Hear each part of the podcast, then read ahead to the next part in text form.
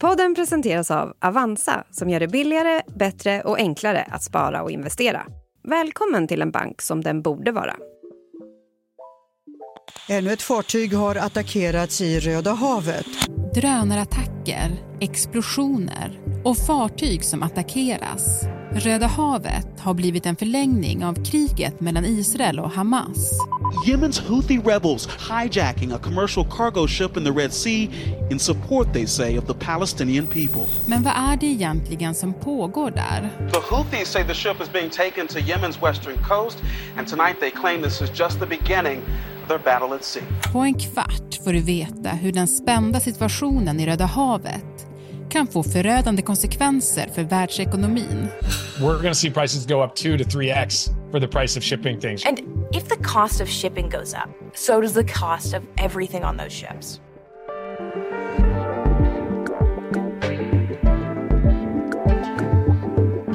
Det är den 8 januari. Det här är dagens story från Svenska Dagbladet med mig, Alexandra Karlsson. Alla är redo? Ja. Gäst idag, Jesper Sundén, Mellanösternanalytiker på SvD. Du Jesper, det är ju fortfarande ganska tomt här på redaktionen idag när vi spelar in, som är den 4 januari, torsdag. Mm. Men du är tillbaka. Jag är tillbaka. Jag har varit tillbaka sedan den andra. Mm. Du, vi ska ju prata om Röda havet idag och det som händer där. Mm. Och vi tänkte faktiskt göra ett avsnitt om det redan innan julledigheten eftersom att läget då började trappas upp rejält. Mm. Hur har det sett ut? Kan du hjälpa Ja, oss? det har ju varit fartyg som har kapats och det har varit eh, robot och raketattacker och eh, nya kapningsförsök. Så det har varit väldigt stökigt. Mm. Vem är det som ligger bakom det här då? Ja, det är ju de i Jemen som kallas Houthi-rebellerna. Det är en grupp som efter flera års inbördeskrig och krig mot Saudiarabien har tagit kontrollen över större delen av landet och eh, ja, nästan hela kustremsan mot Röda havet. Och det är de som genomför de här attackerna. Mm. Men hur, hur skulle du beskriva Houthi-rebellerna? Huthirebellerna är en shia-muslimsk grupp som är väldigt islamistisk. De är allierade med Iran och precis som Iran så är de otroliga motståndare till USA och Israel och vill utplåna Israel. Och eh, de gjorde en kupp för ett antal år sedan mot regeringen i Jemen och sen så har de tagit kontroll över landet och kontrollerar idag större delen av Jemen. Och vad vill Houthi-rebellerna uppnå med de här attackerna som sker på Röda havet? I samband med att kriget mellan Hamas och Israel började så engagerade sig Houthi-rebellerna också i det här och har skjutit massa robotar och raketer mot Israel. De blev nedskjutna av både av amerikaner och av Israel. Då gav man sig istället på fartyg som antingen är, tillhör israeler eller som är på väg till Israel.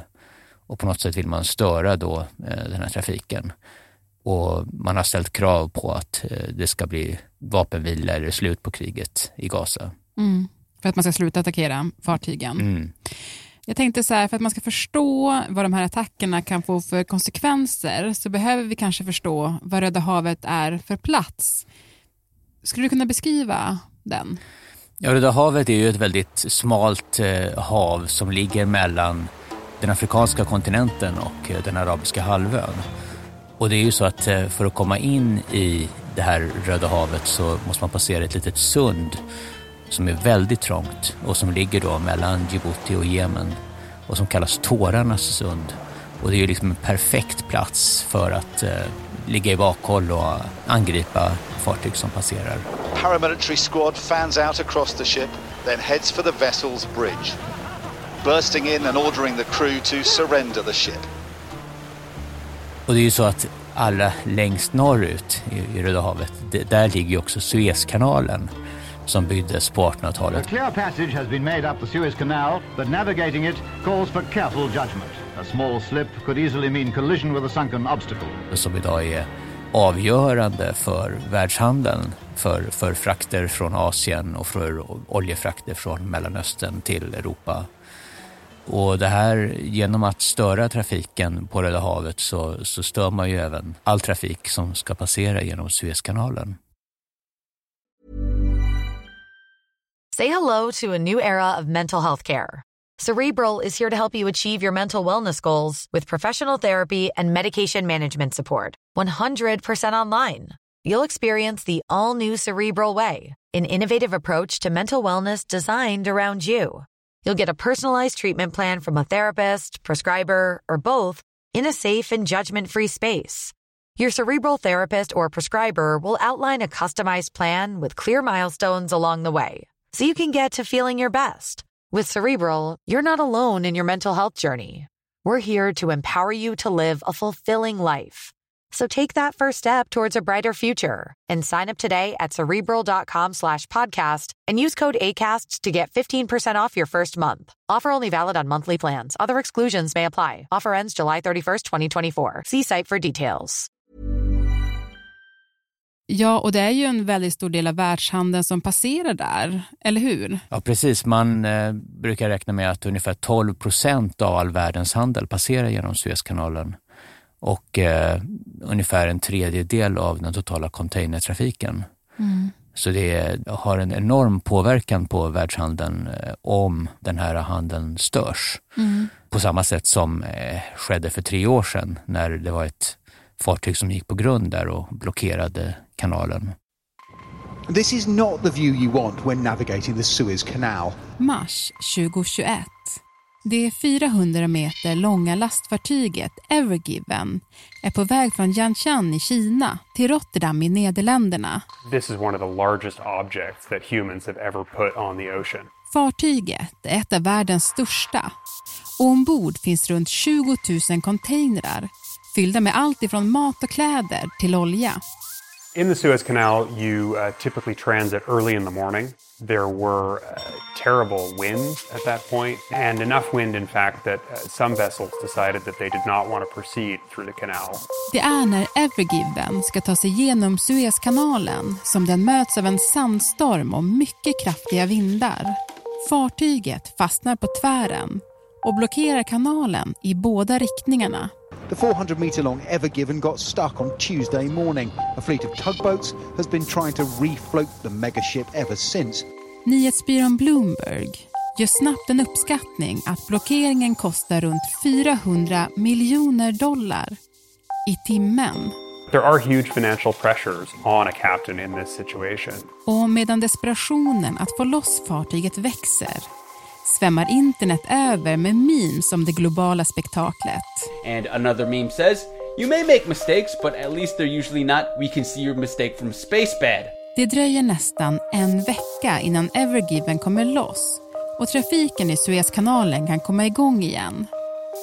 Då står flera hundra fartyg i kö för att komma igenom kanalen.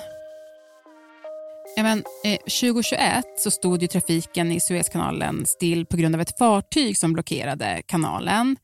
Där är vi ju inte idag, men kan du beskriva vad som händer när trafiken störs så som den gör just nu? Jo, det som händer om man inte kan använda Röda havet och därmed inte Suezkanalen, då måste man ta världens omväg. Man måste runda nästan hela Afrika. Mm. Det är helt vansinnigt och det förlänger varje frakt med ungefär en månad och det gör frakterna otroligt mycket dyrare.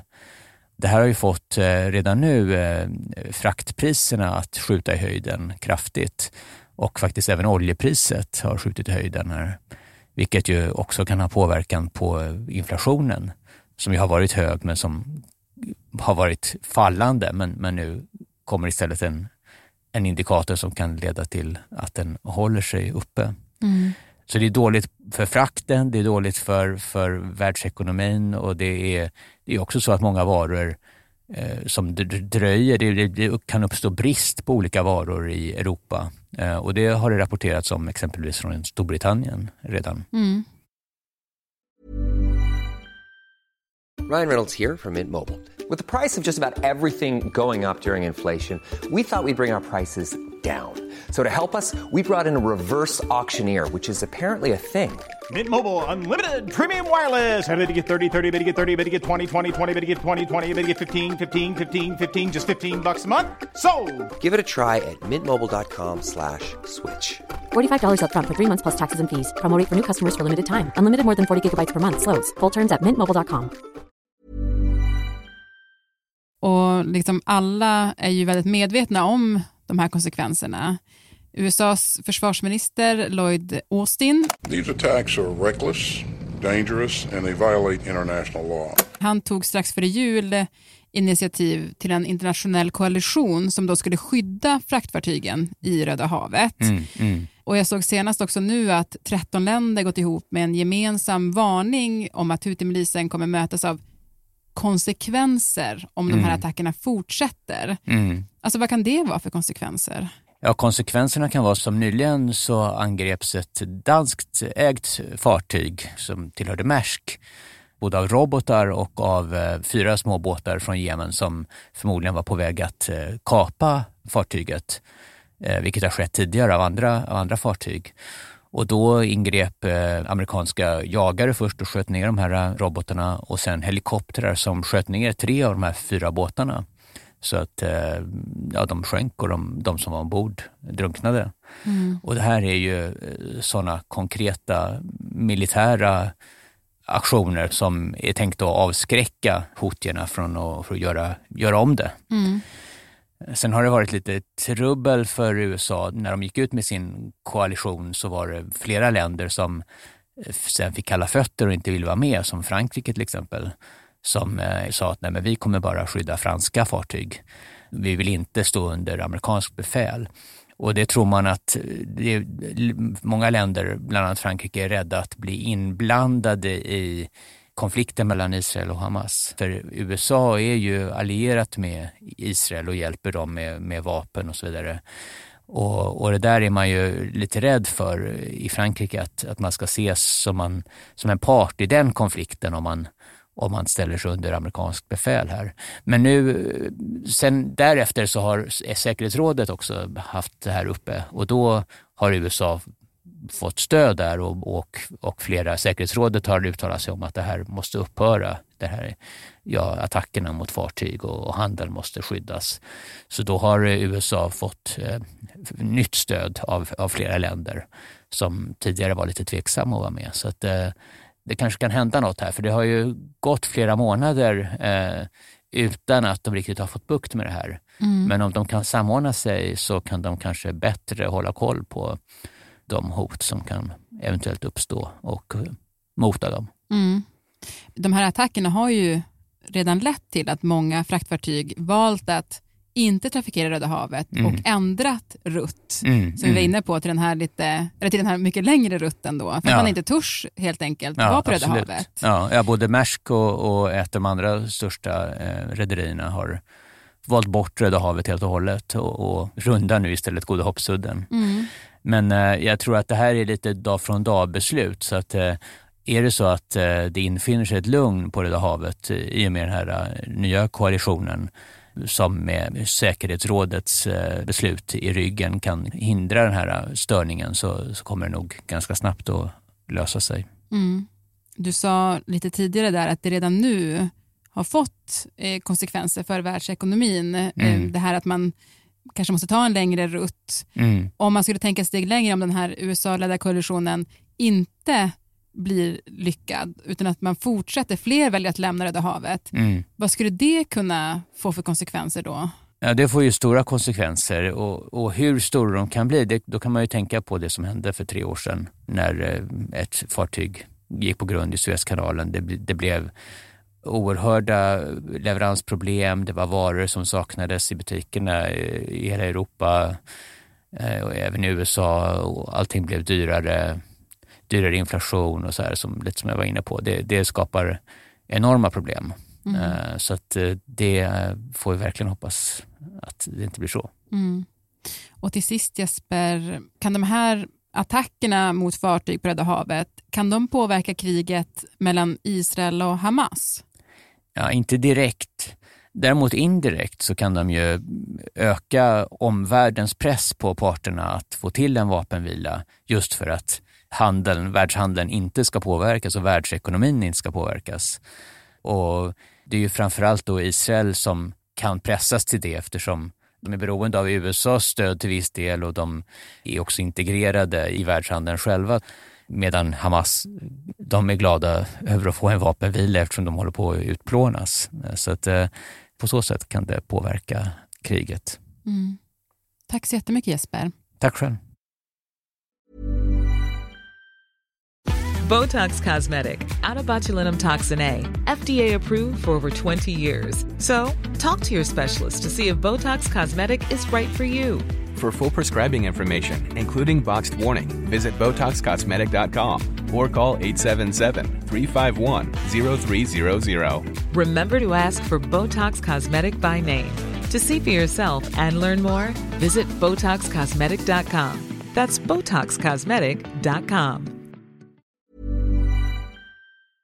Programmet idag producerades av Daniel Sävström, redaktör var Stina Fischer. Om du vill kontakta oss så mejla till dagensstory.svd.se.